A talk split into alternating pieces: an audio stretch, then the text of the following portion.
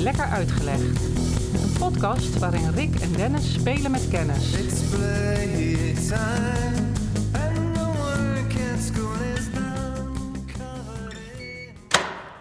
Ja, we gaan eh, vandaag, omdat ik het de laatste tijd eh, met ledenogen heb aangezien, omdat het veel in het nieuw nieuws was, hoe mensen eh, door hun afkomst, door hun naam, weet je al waar ik heen ga misschien? Hmm.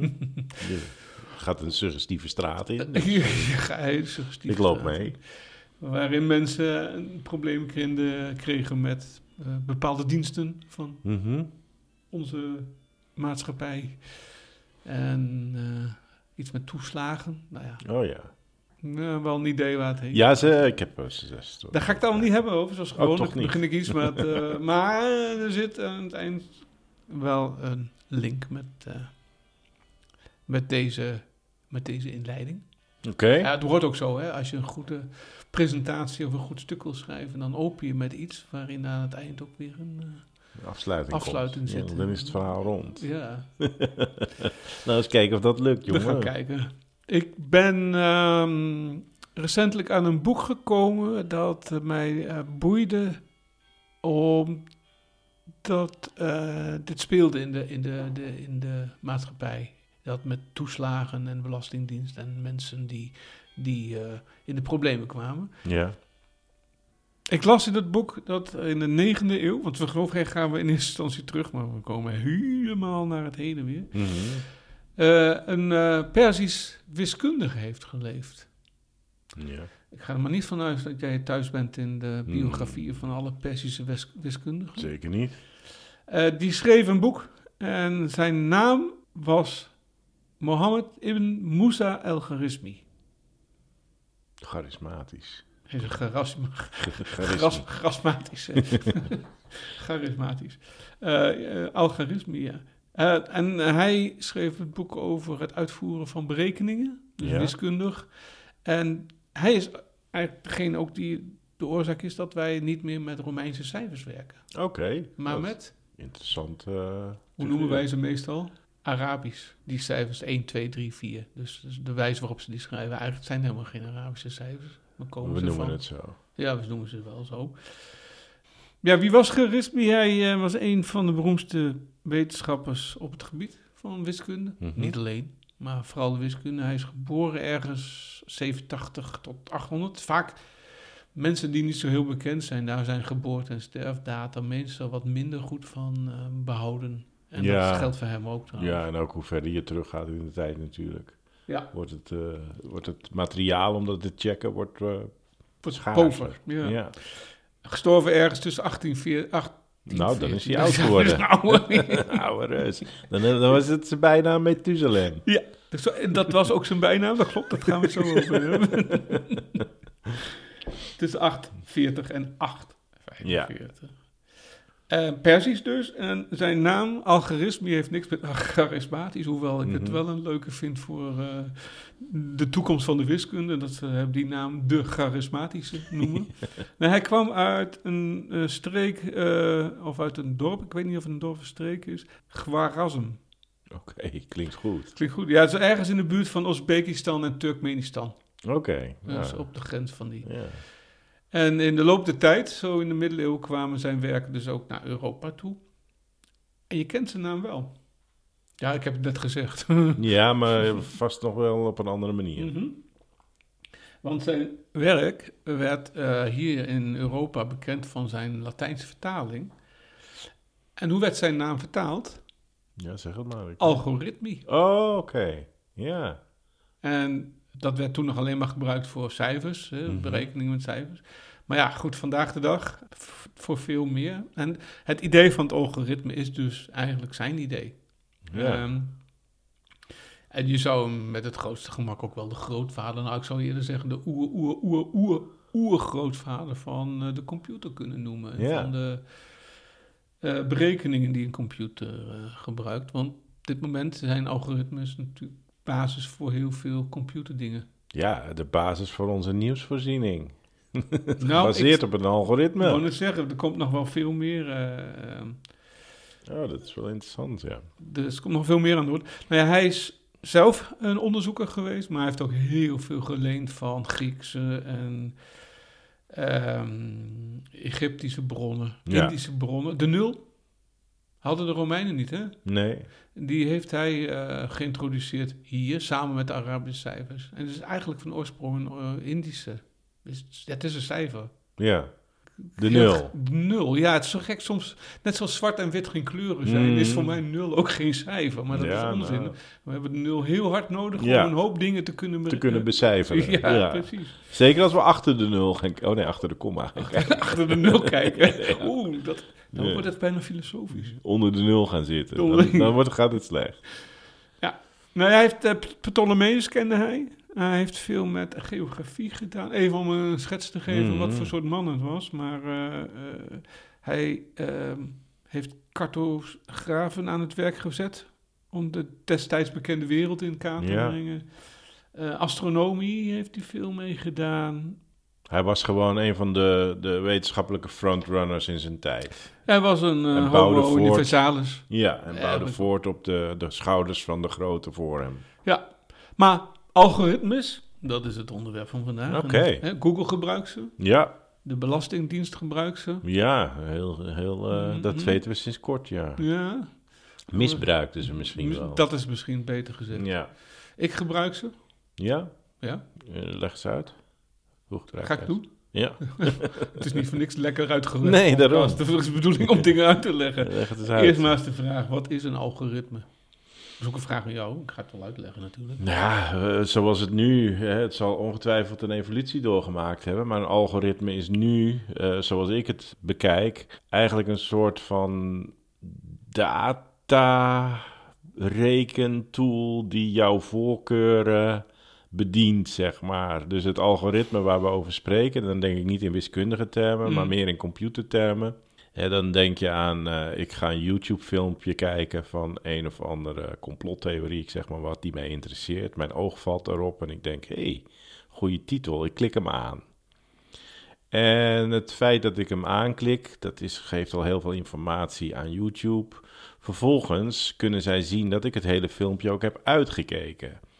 En omdat ik het hele filmpje heb uitgekeken, dan denkt YouTube, dan is de interesse kennelijk groot. Want hè, eh, hij neemt de moeite om die 4 minuten 40 helemaal te bekijken. Kortom, hij zal misschien nog wel een eh, filmpje in deze trant lusten. Dus linksboven popt er een filmpje op van... hey, heb je deze al gezien? Ja. Of die wordt zelfs automatisch gestart. Dat kan ook. En voor, Goo- of voor YouTube en, en de Googles... eh, met als doel om je zo lang mogelijk bezig te houden op de site, zodat zij dan weer eh, advertenties kunnen verkopen en daardoor dus alleen maar weer meer inkomen genereren. Hebben zij er dus baat eh, bij dat ik in mijn wensen, in mijn voorkeuren word bediend. En dat algoritme zorgt ervoor dat die voorkeuren worden vastgelegd en dat die ook weer naar voren komen op het moment dat ik, eh, dat ik eh, een vraag of een behoefte heb. Ja. Of, of de behoefte wordt zelfs gecreë- gecreëerd. Ja. Nou, jij schetst het al helemaal in digitale termen. Ja. En voor duidelijkheid, daar ga ik straks ook nog wel naartoe. Mhm. Met ook wat jij al noemt. Dus jij je doet een leuk opzet. Je bent eigenlijk de inhoudsopgave van, van, ons, van mijn podcast van vandaag aan het maken. Goed zo. Dank u. Graag gedaan. Ja, het algoritme is uiteindelijk niet veel meer dan een aantal zetten doen, aantal stappen doen om tot een bepaald doel te komen. Je hebt startpunt en je komt met een eindpunt. Dat is eigenlijk het algoritme-idee. Ja, en is dat dan in het wiskunde van je hebt een som en je gaat hem uitwerken en je komt tot een uitkomst? Dat is één. Maar wat dacht je van het maken van een gerecht? Je moet alle ingrediënten Ja. hebben, maar die ga je stap voor stap. Je gaat niet eerst, Nee. eh, als ik een, wat heb ik van de week gemaakt? Ik heb van de week een tortilla op zijn eh, Spaans gemaakt. Ehm, daar moet ik eerst de aardappel met uien bakken en Ja. niet eerst de eieren bakken, want Nee, dan, wordt wordt het geen niks. tortilla. Nee, Dus- precies. Maar dat, ja, het woord algoritme gebruik ik niet eh, dagelijks. Nee. En ook zeker niet in die Nee, context. klopt. Maar zo zou je wel, en ik noemde het boek al van Hannah Fry, geloof ik. Ehm, Hello World heet het in het Engels, algoritmen aan de macht. Veel voorbeelden. ehm zij is een wiskundige. Eh, die eh, heeft in haar boek een heleboel van dat soort voorbeelden, waarbij het onder andere gaat om eh, digitale versies, maar ook dit soort voorbeelden. Dus bereiden van een maaltijd, maar ook het doen van een Maar onderzoek. dan is, even voor mijn perceptie, dan, is, dan hebben, gebruiken mijn hersenen ook algoritmes. Als ik bijvoorbeeld opsta en ik ga gedachteloos mijn veten strikken en mijn schoenen aantrekken, dan ga ik ook stapjes zetten. Ik pak mijn schoen, trek hem aan, ik Ja. trek de veters aan, ik maak een strik en Ja. ik doe mijn sok recht en ik mijn broek eroverheen en ik ga staan.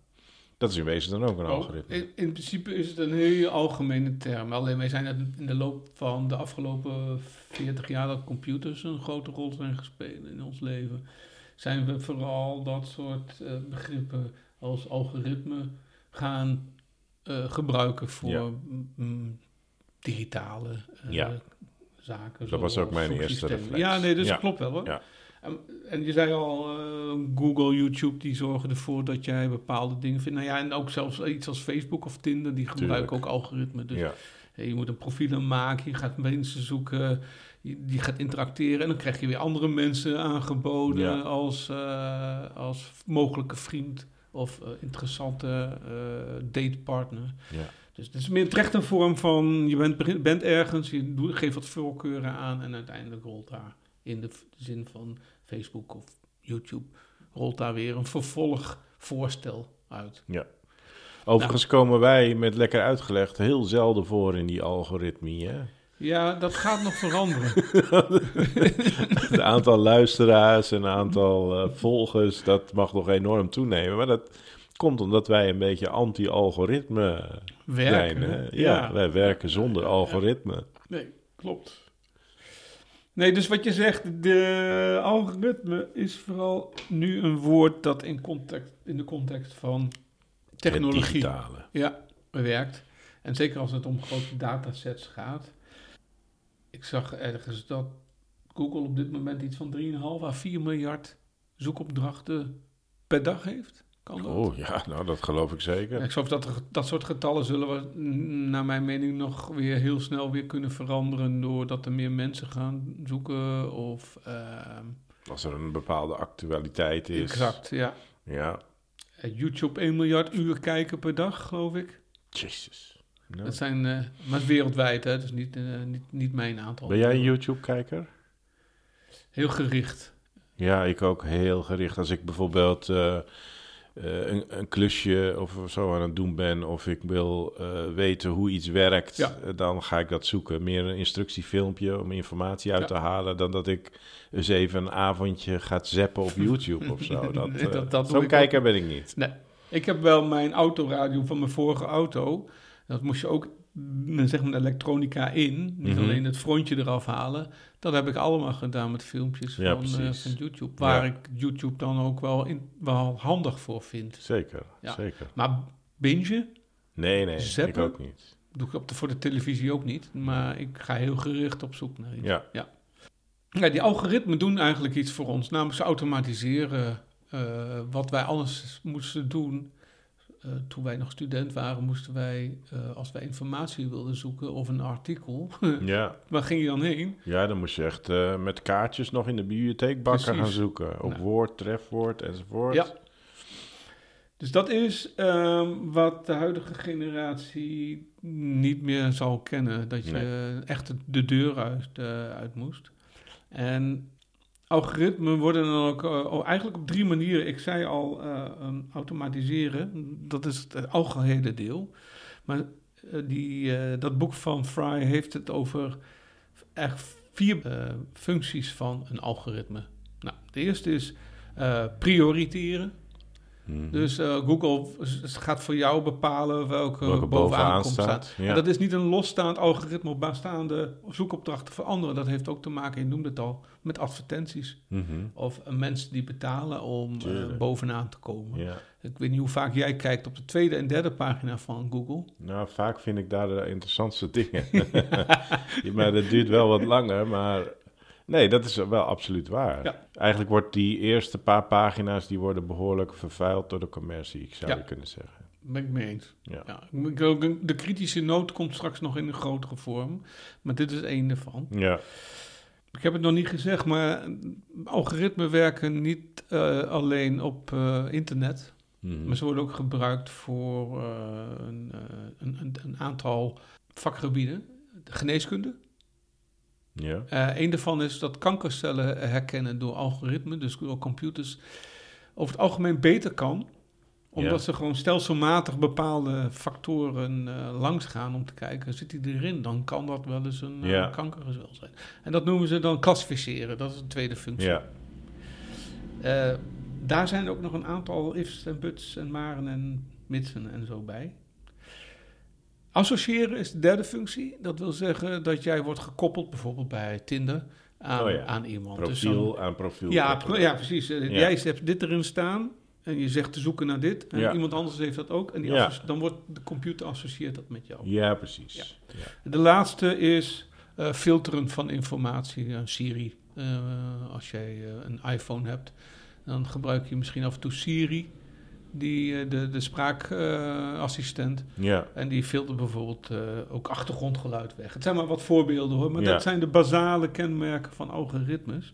Ik ga daar niet heel erg op in. Gelukkig. Nee, want dat vind ik A niet interessant. Maar B is veel, veel leuker om te zien wat een algoritme, zo al aan voorbeelden, eh, wat, het, wat het kan. Ja. Zoals wat ik zei, het kan bij geneeskunde kankergezwellen. Maar een politiealgoritme kijkt ook bijvoorbeeld naar hotspots. Ik meen dat in Amerika op een gegeven moment allerlei ehm, hotspots in kaart werden gebracht, wat daarvoor niet gedaan werd. Zo van waar gebeuren nou Mhm. bepaalde dingen, overvallen, ehm straatroven en dergelijke. Zodat je, als je maar beperkte politie inzet hebt, sneller kunt gaan Ja, besluiten waar moet je heen eh, Ja. eigenlijk. En dan zul je mensen missen die in een donker achterafstraatje, waar nooit iemand Nee. wordt overvallen, die zul je missen misschien als politie. eh, maar je, de, de oplossingsgraad van Ja. eh, crimineel, gedra- crimineel gedrag wordt groter als je dat Nou ja, het is- kijk, dat is gebeurd natuurlijk eh, als je je wel eens verdiept of documentaires of podcasts luistert zo, over serial killers. Mhm. Hè? Dan hebben we te maken met eh, bepaalde patronen, met bepaalde overeenkomstige aspecten van een moord of Ja. een verkrachting of Ja. wat dan ook. En als je dan iemand hebt met een computer en die keurig alles eh, aangeeft van dit wel, dat niet, dat wel, dat niet, dan worden die natuurlijk veel sneller aan elkaar gekoppeld.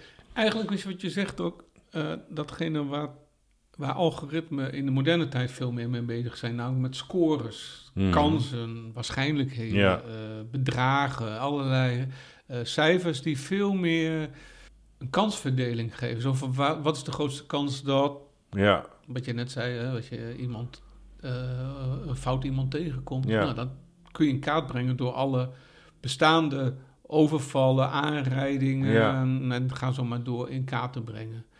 Dus dat is wat veel meer het geval is dan zo'n simpele eh, berekening van x plus x is 2 of zo. ja, nee, nee, dit wordt concreet ingezet. Nou ja, dat zie je met die toeslagenaffaire natuurlijk. Wat dat eh, allemaal teweeg bracht. Ja. Eh, op het moment dat ze daar met eh, algoritmes gaan werken en het, de menselijke maat eigenlijk wegnemen uit het proces, want zo zie ik het dan even. Mhm. Kijk, dat kan voordelen hebben, maar in dit geval heeft het natuurlijk hele specifieke nadelen. Dat je grote groepen mensen als hetzelfde gaat beschouwen, omdat ze aan een aantal van die aspecten van het algoritme voldoen. Ja. Ik ga, ik ga daar zeker straks nog even op in. Ehm, misschien even heel kort, maar ook minder belangrijk. Je hebt op een aantal manieren kun je die algoritmes vormgeven. En deels is voorheen werd het gedaan door puur eh, voor computers puur computertaal te schrijven, waarin Mhm. je de regels aangeeft. Als dit dan dat. Ja. Dat is wat automatisch, eh, Ja. het oude, oude idee van automatische algoritmen eh, inhoudt. En de laatste, nou het is al, is al wat langer hoor, maar ik wilde zeggen de laatste 25 jaar, ik denk vooral met internetintroductie, zijn veel machine learning. En dat wil zeggen dat een software, een soort van de kunstmatige intelligentievorm van, eh, van software, gaat kijken naar patronen. Ja, Laat zelf laat eh, herkennen. Dus Ja. als die dan op een gegeven moment, hè, de, de computer krijgt een aantal data ingevoerd en die gaat dan vervolgens conclusies con- trekken. conclusies trekken in de zin van, nou dan is Eh, hoeveel mensen komen op een bepaalde plek samen? Ja, Als jij, eh, ik weet niet, je gebruikt Google Maps of een andere maps misschien wel, dan staat er af en toe bij niet, zoveel, niet zo druk als normaal. Ja. Als je op een bepaalde plek bent, of drukker Ja. dan normaal. nou ja, je kan het, ja, je kan het met je navigatie eh, bijvoorbeeld al hebben of niet. ja, In het verkeer, als er een opsto- opstopping is, dan wordt het- alle data van die mensen die daar in die rij staan, in die file staan, die wordt verzameld. En daaraan kan het programma heel duidelijk zien van oké, daar is een file van zo lang. of gaat er aankomen, of, gaat het wordt, daar, wordt ja. daar drukker. Nou ja, Ja. Dat is eigenlijk wat een eh, computer doet, die eh, anders dan bij een op regels gebaseerde eh, algoritme die we voorheen vaak hadden. Ik zei al, ik ben door die hele toeslagenaffaire van de Belastingdienst, waar ook het woord algoritme eh, vaak eh, eh, naar voren kwam, ben ik eens gaan nadenken. Ja, die hele vraag, ook wat na, doordat, ik het boek las van Hannah Fry. Zijn die algoritmes dan per se slecht? Nou, jij zei, zei net al iets over. Zijn ze per se slecht? Dat was mijn vraag aan mezelf ook. Nou, in principe zijn ze niet per se slecht, want ik moet nou denken, ik weet helemaal niet of dat zo is hoor, maar je hebt jaarlijks voor bepaalde leeftijdsgroepen groepen bijvoorbeeld onderzoek naar darmkanker. Ja, Nou, ik kan me voorstellen dat daar natuurlijk het inzetten van algoritmes ontzettend prettig is. Op het moment dat het eh, materiaal wordt geanalyseerd en je weet, dit zijn onderdelen die als die voorkomen in de ontlasting, dan gaat de rode vlag omhoog. Nou ja, dat lijkt me heerlijk eh, en prettig als je zo'n algoritme voor zichzelf kan laten werken. Hè, en dan vervolgens het gevolg is dat het algo- algoritme steekt de vlag op, zeg maar, de rode vlag. En het gevolg is dat een arts jou uitnodigt en eh, ver- vervolgonderzoek gaat, eh, gaat eh, initiëren en kijken van nou, is wat het algoritme aangeeft, is dat ook daadwerkelijk wat er aan de hand is. Ja. En dan zo kan je dus al vroegtijdig mensen die naar ziek worden aan het bewegen zijn, kan je dan al ja, eigenlijk in je, in je praktijk, in je, in je kamer eh, Ja, verwachten. dat is de screening. En kunnen behandelen. screening Ja. van eh, mogelijke eh darmkanker of kroon of wat voor soort. eh, ja. Dus in die zin super positief natuurlijk. Wat ik belangrijk daarbij vind, is dat we dan wel objectiever blijven kijken naar dit soort algoritmes die in computers of in, in apparaten zitten. Want ik, ik, ik vond het een mooi voorbeeld en ik ken het ook wel. In eh 97 speelde Kasparov Ja, zijn eh, inmiddels legendarische tegen wedstrijd. Blue. Ja, tegen Deep Blue. De, Deep Blue, ja. Deep Blue, de, de computer. Ja, Ehm, hij had in 96 gewonnen. ja, En in 7, mei 97 speelde hij weer zes partijen. En hij verloor. ja. En Kasparas was eigenlijk ook wel ronduit verbaasd. Hoe kan zo'n apparaat nu eigenlijk van mij winnen? En later heeft hij ook wel erkend van dat hij zich vergist had in wat een computer doet. Kijk, een computer is wel een grote rekenkundige kracht. Ja. eentje die alle algoritmes die met schaken te maken hebben, na kan lopen. Razendsnel. Heel snel, maar ook Deep Blue is ongevoelig voor wat Kasparov doet. Ja, de computer kijkt alleen maar naar waar staan de stukken Ja. op het scherm. eh, die heeft daar eh, geen veld. emotie bij. Die Nee. schrikt daar niet van. Of die denkt niet, eh, hier moet ik eh, Nee, snel zijn of Nee. zo. En dan komen we op een raakvlak van menselijke algoritme. Kasparov had een paar trucjes, een paar dingen waarvan hij wist dat gaat werken. Andere een van de dingen was van, hij deed geloof ik, hij had zijn, zijn, ehm, zijn horloge altijd naast het bord liggen. Mhm. En op een moment dat hij het oppikte, dat was zo bedreigend voor de tegenstander, een menselijke tegenstander dan, Mhm. want die wist dan, oh, hij, hij heeft het al, hij, heeft heeft het het- spel ja, allemaal in ja. zijn hoofd zitten. waardoor Hij is er al klaar mee. Ja, precies. Ja. Hij is, eh, Hij denkt aan de lunch. of aan, aan het eh, diner. Ja. Dat schijnt dus echt eh, zijn trucje goed. geweest te zijn. En, maar het grappige is dat de programmeurs van Deep Blue iets vergelijkbaars hadden ingebouwd, waar Kasparov dus niet mee. Oh, wat was dat? Niet, niet van. Nou, ze had men in de, had in de computer ehm, ingebouwd dat de computer, als hij de Z al wist, die niet meteen deed. Ja. Dus Deep Blue deed niet meteen de Z die hij al lang berekend had. Ja, Waardoor dus- Kasparov een beetje het idee had van, oh, Oh. hij zit vast. ja, ja, ja. Na, na, na, Hij krijgt het moeilijk. Ja, hij krijgt het moeilijk.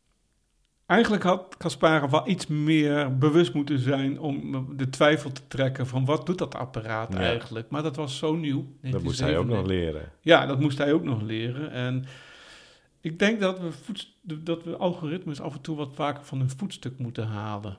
En ook moeten beseffen, wat doet het eigenlijk? Eh, maar ja, dat probleem vind ik een beetje dat op dit moment dat steeds lastiger wordt. Want hoe vaak gebruiken wij niet de digitale eh, en, en internet algoritmes? Zelfs als wij met de computer thuis bezig zijn, dan hebben we niet eens over internet. Hmm. En niet over Facebook, YouTube, Instagram en weet ik veel wat. Maar gewoon onze computer hier thuis eh, gebruiken om een stuk tekst te schrijven of om een filmpje te kijken. Nou ja, en hoeveel mensen zijn er niet die, eh, die Spotify aanzetten en die kiezen het eerste nummer en laten Spotify de rest van de Ja. playlist maken Ja. op basis van je luistergeschiedenis. Of wat anderen die dat nummer hebben ja, geluisterd. ja, dus dat soort algoritmes die Ja. bepalen op een gegeven moment ook welke muziek er... eh. Ik moet zeggen, de meeste vind ik helemaal niet zo erg hoor, als ik eerlijk moet zijn. Als ik eh, bijvoorbeeld, ik zat te denken, stel je voor dat ik eh, zoek naar een eh, woord als hammer. mhm. hamer. Het schijnt dat je dan wel meer dan 20 miljoen resultaten krijgt. Dan vind ik het toch wel belangrijk van ja, waar zoek ik op? Meestal zoek ik op meerdere termen Ja. trouwens. Hè. Ik ga niet alleen maar Nee, je even specificeren, anders dan kom je er niet. in de zoekopdracht al. Ja. Maar ja, je krijgt dus eh, vaak, hammer is een gebruiksvoorwerp. Dus kans dat die bovenaan komt, of relatief Ja, vaak lijkt me bovenaan. heel groot. Ja, terwijl het, eh, het nummer eh, If I Had a Hammer, Mhm, Of MC. MC Hammer. ja, er moet gewoon wat muziek in weer, hè? Ja, ja. Dat die, die komt wat minder ver eh, vooraan. Hoewel MC Hammer... Die zou nog wel hoog kunnen komen, hoor. Ja, ja. Doe, doe. Can't touch this. Maar goed, dus het, het helpt. Dat is wel Zeker, zo. nee. Het, eh, ik neem ook aan dat iedereen met hele goede bedoelingen dit soort algoritmes eh, hun werk laat, laat doen. Ik denk op het moment dat de prikkel pervers wordt, en daar hebben we hem weer. Ja, Hè, dus eh, Ja. ik bedoel geld verdienen bij Google, YouTube enzovoort. Of bij overheden die een bepaalde druk op hun bevolking willen uitoefenen of een bepaalde controle. Of eh, geld over- willen, of ook, ja, niet ja. willen uitgeven. Dan heb je andere, andere doelen voor ogen. En nou ja, die kunnen dan het, het hele algoritme natuurlijk ook op een negatieve manier in- inzetten. Daar gaat het mij uiteindelijk ook om, dat ik daar wat ook met jou erover wilde hebben, maar ook dat we daar heel vaak niet van bewust Ik kwam daar voor het eerst tegen, eh, kwam ik dat tegen bij de studenten die ik les gaf eh, tien jaar geleden. En dat ging over zoeken op internet. Mhm. En wat algoritmes heel vaak als, eh, als gevolg hebben, werd toen ook duidelijk. Eh, het feit dat je, als je op internet zoekt, dan eh, krijg je met Google vooral die dingen die anderen ook zochten. Ja, En als je dat heel vaak doet, dan krijg je een, ja, ik ik noemde het de bubbel. ja. De informatiebubbel, dat je steeds weer, her- weer terugkrijgt eh, wat je hoogstwaarschijnlijk interessant vindt. Wat je over Spotify ook Ja. zei, van ja, anderen vinden dit ook leuk. En voor je het weet, krijg je alleen nog maar dingen te zien die... Ja, nou ja, dat is natuurlijk ook inderdaad waar eh, eh, die hele bubbel van complotdenkers en zo ook in terecht Ook. komt. Ja, dat, eh, dat wordt alleen maar versterkt omdat de informatie daarover toeneemt. Ja. En als ik op een andere manier zoek en mijn bubbel die heeft een andere insteek, dan krijg ik daar weer gerelateerde informatie van. En dat is dan vervolgens mijn bubbel. ja, En dan kunnen wij op hetzelfde onderwerp online actief zijn, maar in compleet verschillende bubbels dat zitten. heb ik ze ook laten zien toen, bij Ja. die studenten. Dus dat is één ding. Bubbel is een gevaar van algoritmes. Privacy. Mensen zeggen wel, ja, ik heb niks te verbergen. Nee. Maar ik heb wel eens gedacht van, stel je voor... En dat is ook gebeurd dat mensen op een zwarte lijst terechtkomen... maar door een, om een hele andere reden... waardoor ze bijvoorbeeld geen geld of geen lening of geen hypotheek eh, eh, konden krijgen... omdat er ook hele grote bedrijven zijn die die data opkopen. Ja, En blijkt dat, dat de datahandelaren zijn... die dus dat soort gegevens gebruiken om kredietscores te bepalen. En die zijn allemaal samengesteld uit een aantal andere algoritmen. Dus dat, ik vind dat zelf geen prettig idee. Nee, dat is Eh, toch ook een beetje het gevaar van de verzekeringsmaatschappijen en zo. Ja.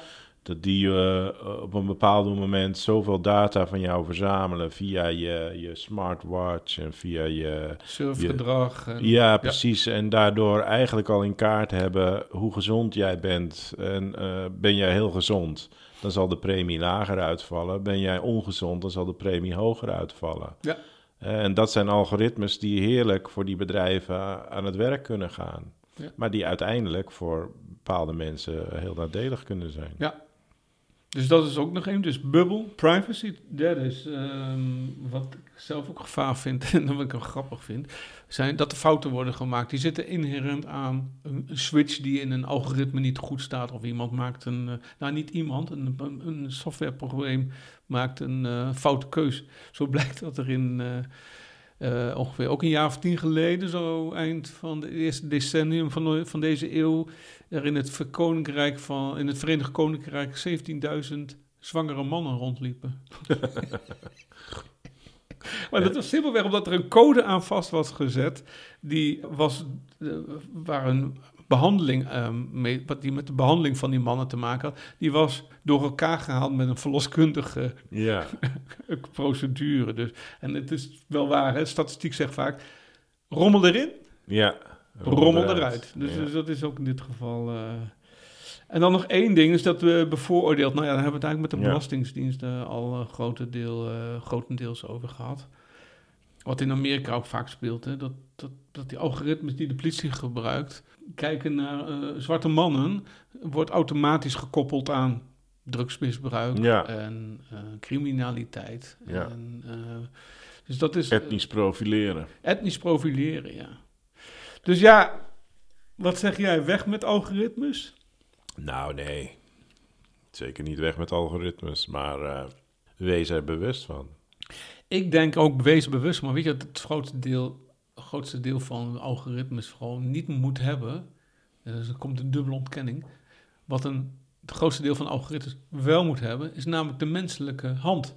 Ja, Dat wij als mensen nog steeds een deel. En dat is, die- dat, in het boek ehm, Algoritme aan de Macht staat ook. Op het moment dat wij die, die combinatie van eh, digitale, eh, machine, eh, hoe heet dat, eh, kunstmatige intelligentie combineren met mensen die daar ervaring en kennis van hebben Mhm. dat er dan veel betere eh, eindproducten uitrollen. Dus dat de screening van mensen met kanker veel beter wordt dat, wanneer je niet alleen de computer het laat doen, Nee, maar dat- de mens. het menselijke filter moet ertussen blijven ja, zitten. en dat ja. gaat wel eens mis. En als je dat niet doet, nou ja, een Ja. voorbeeld erover. Ja, daar ben ik helemaal met je eens. Ja. Nog een paar beide weetjes dan? Tuurlijk, Ja, gooi ze er maar in. ik wist het niet. Ik wist van algoritme, was wel een leuk feitje dat dat algoritme is geworden dus. Mhm. Ehm, hij heeft nog een boek geschreven. Ah, hij heeft meerdere boeken geschreven. Maar hij heeft eh, ook nog een boek dat heet. Mijn Arabisch is zo matig. Nou, ik vind dat je het vrij goed doet, Ja, hoor. ik ga het proberen hoor. Al-Kitab, Al-Muqtasar, fi Hisab al-Jawar, Mal, Wal Mukabala. Kabbalah. Nee, niks met Kabbalah. Oh. Al-Jabbar is het woord waar je op moest letten. Al-Jabbar. Nee. Nee. Eh, vrij vertaald, samengaan van gebroken onderdelen. Nee, Assemblage. nee. Algebra. Algebra. Het woord algebra is ook van eh, dezelfde Perzische wiskunde, wiskundige. Vond ik leuk om te weten. Ja. Al-Jabbar. Nou, eh, nog één voorbeeld en dan... of twee, wat wil je? Ah joh, kijk maar, anders knip ik er eentje weg. Ja, ja. of twee. Eh, ook uit uh, Fry's boek. Dus ik heb wel meer eh, artikelen gelezen, maar dit vond ik wel eh, een aparte. Ehm, Jones Beach. Jones Beach? Jones Beach. Wat is Long? Island. New York. Ik ben er nooit geweest. Ik ben nog nooit in New York geweest. Jij wel? Ja, ik heb er een plaat opgenomen. Ja, precies. maar daar ben je niet geweest, Jones Beach. Nee, dat kan ik me niet Nee. bewust herinneren. Nou, het is op weg naar de oceaan, is dat ergens. En eh, dan moet je onder een aantal bruggen door. Ja. Schijnt. Ik weet het niet, maar zo gaat het verhaal. Ik heb het verhaal ook nog weer gecheckt, dus dat zijn inderdaad water zijn. En die bruggen, Ehm, die zijn vooral bedoeld om de ehm, ehm, mensen van de snelweg op, te, op en af te leiden. Ja. Die eh, hangen zo laag dat de, eh, op, eh, tussen de weg richting Jones Beach en de brug niet veel meer ruimte is dan nou, maximaal drie meter. Is dat interessant? Nou, er is een reden voor dat ontwerp. Waarom is het zo laag? Drie meter is net zo hoog als ons huis. Eh, een- verdieping in ons huis ongeveer. Hè? Mhm. Ehm, de, ehm, het ontwerp, een planoloog namens, genaamd Robert Moses, die was erop gebrand om dat park op Jones Beach eh, het domein te laten blijven voor witte, rijke Amerikanen. Want hij wist dat de vaste bezoekers die daar naar heen wilden rijden, die kwamen eh, bij voorkeur met hun eigen auto's. Maar Afro-Amerikanen, die kwamen met de bus. Mhm. Die waren ook vaak niet zo rijk. En die Nee, bussen, niet. Die konden er niet die konden onderdoor. Dus hij heeft een soort van fysiek algoritme gebruikt om ervoor te zorgen dat Jones Beach wit en rijk was. In plaats van... eh, Zie je, dat is weer zo'n perverse prikkel. dat is... Ja, nee, weer één. Ja. Ja, weer een. Nou, ik, ik, eindig met iets waar, eh, waar we misschien nog eens een keer eh, langer kunnen over nadenken. Inmiddels zijn er zoveel mogelijkheden met digitale algoritmes dat je zelfs foto's, fakes, Mhm. foto's, eh, films, fakes, deepfakes Ja, en zelfs muziek kunt laten maken door computers en schilderijen ja. die niet te onderscheiden zijn voor veel mensen. Mm, Ik ben geen grote kenner, maar nee, eh, ja, dit ken ik inderdaad, ja, dit fenomeen. En dat noemen ze ook wel gener- Generative Adversarial Networks, GAN. Het is eigenlijk een vorm van machine learning, waarbij Ja. eh, je stopt er een hoop in. Je stopt een hoop Bachjes, Bach-muziek erin. Ja. En eh, wacht maar op de nieuwe symfonie. Ja, die Ja. uiteindelijk eruit voortvloeit omdat de computer analyseert wat zijn de eh, kenmerken van die muziek, wat komt steeds terug. Ja, En als ik daar nou op varieer, ja. Zo hebben ze toch ook een eh, computer een column of zo ergens gegeven. Ik kan me herinneren dat ik ergens een keer een verhaal hoorde dat, dat die ook stukjes ging schrijven voor de krant. En roman schrijven is volgens mij ook al eens geprobeerd door een computer. En ja, weet je, dat... eh, en hits, eh, kijk, je kan natuurlijk alle hits kan je invoeren in een Mhm. computer. Mm, En wat hebben ze gemeen? En kijken of je de grote gemene deler kunt gebruiken om een nieuwe hit te schrijven. Dat is natuurlijk Ja. een lucratieve business als, Ja. het, als het werkt. Ja, je hebt van die sites zoals eh, MT Sprout, die heeft allemaal van die start-ups. Die maken muziek met AI. En wat jij zegt, hè, hits bij elkaar verzamelen, duw het erin. En aan de andere kant rolt er iets uit van weer een hit. Ja, hopelijk. Mm. Nou, meestal werkt- schijnt het toch anders te werken. Toch wel, hè? Maar zolang het anders werkt, is het denk ik goed. Ja, heb jij moeite mee met dat soort eh, digitale kunstvorm? Kunst tussen aanhalingstekens. Nou ja, als, als het een kunstvorm is, ben ik overal voor. Maar als het... eh, kijk, eh, deepfakes eh, en, en, en, en nep, daar heb ik bij voorkeur natuurlijk niet zo'n... eh, niet zo'n hoge pet van op. Nee, het gevaar loopt ook een beetje. wij lopen ook het gevaar dat we daar onze, onze waarheid, onze, Mm. Onze geloof in, eh, in een politicus bijvoorbeeld, Ja. eh, op baseert, terwijl die van alles kan zeggen. Ja. Eh, ik geloof dat Obama is ook een keer zo neergezet, dat hij van alles zei. Met zijn gezicht, met zijn lichaam. Ja. Maar dat hij dat nooit gezegd heeft. Maar door aanpassingen van algoritmes kwam zijn stemgeluid en zijn gezicht. Ik heb toen ook een keer de foto van mijn eh, overgrootouders uit Duitsland heb ik in zo'n eh, programmaatje gestopt. En die kun je dan laten bewegen. En die zie je het hoofd Ja, ja, draaien. ja, ja, en ja, zijn knipogen en een Komen een beetje tot leven. Ze komt tot leven. En dit heb ik aan mijn nicht laten zien. Mijn Duitse nicht. En die zei... Creepy! Ja, ja, dat vond ik ook wel eigenlijk. Maar, eh, nee. maar ik uiteindelijk, en daar hou ik het op... ehm, ik denk dat, je, dat we gewoon waakzaam moeten blijven. De Tuurlijk. menselijke maat niet moeten vergeten. Zeker niet. Die moet, juist weer, die moet juist veel meer terugkomen in alles. Ja. In alles. Oh, en we worden oud. Hoor je dat, wat we zeggen? Ja, je nee, dat, eh, ik hoor het wel. Ja. Maar dat is wel een grote ergernis. Dat overal waar die menselijke maat verdwenen is, daar, eh, daar lopen mensen keihard tegen muren aan. Ja. Maar goed, dat eh, is een schone taak voor de hele mensheid. Dat vind ik ook. Lekker Uitgelegd is een podcast van Dennis Ai en Rick Roeland. Wil je geen uitleg missen? Abonneer je dan op Lekker Uitgelegd. Dat kan op Spotify, iTunes of in je favoriete podcast-app. Laat ook vooral een recensie achter. Dat vinden wij leuk en andere mensen kunnen ons dan sneller vinden. Lekker Uitgelegd is ook prima te volgen op Twitter, Facebook en Instagram. Wil je meer weten over deze aflevering? Kijk dan op lekkeruitgelegd.nl. En wil je reageren? Dat kan. Stuur dan een mailtje naar info@lekkeruitgelegd.nl. Tot over twee weken. Lekker uitgelegd is een klankmedia productie. En de muziek, die is van Kolbak.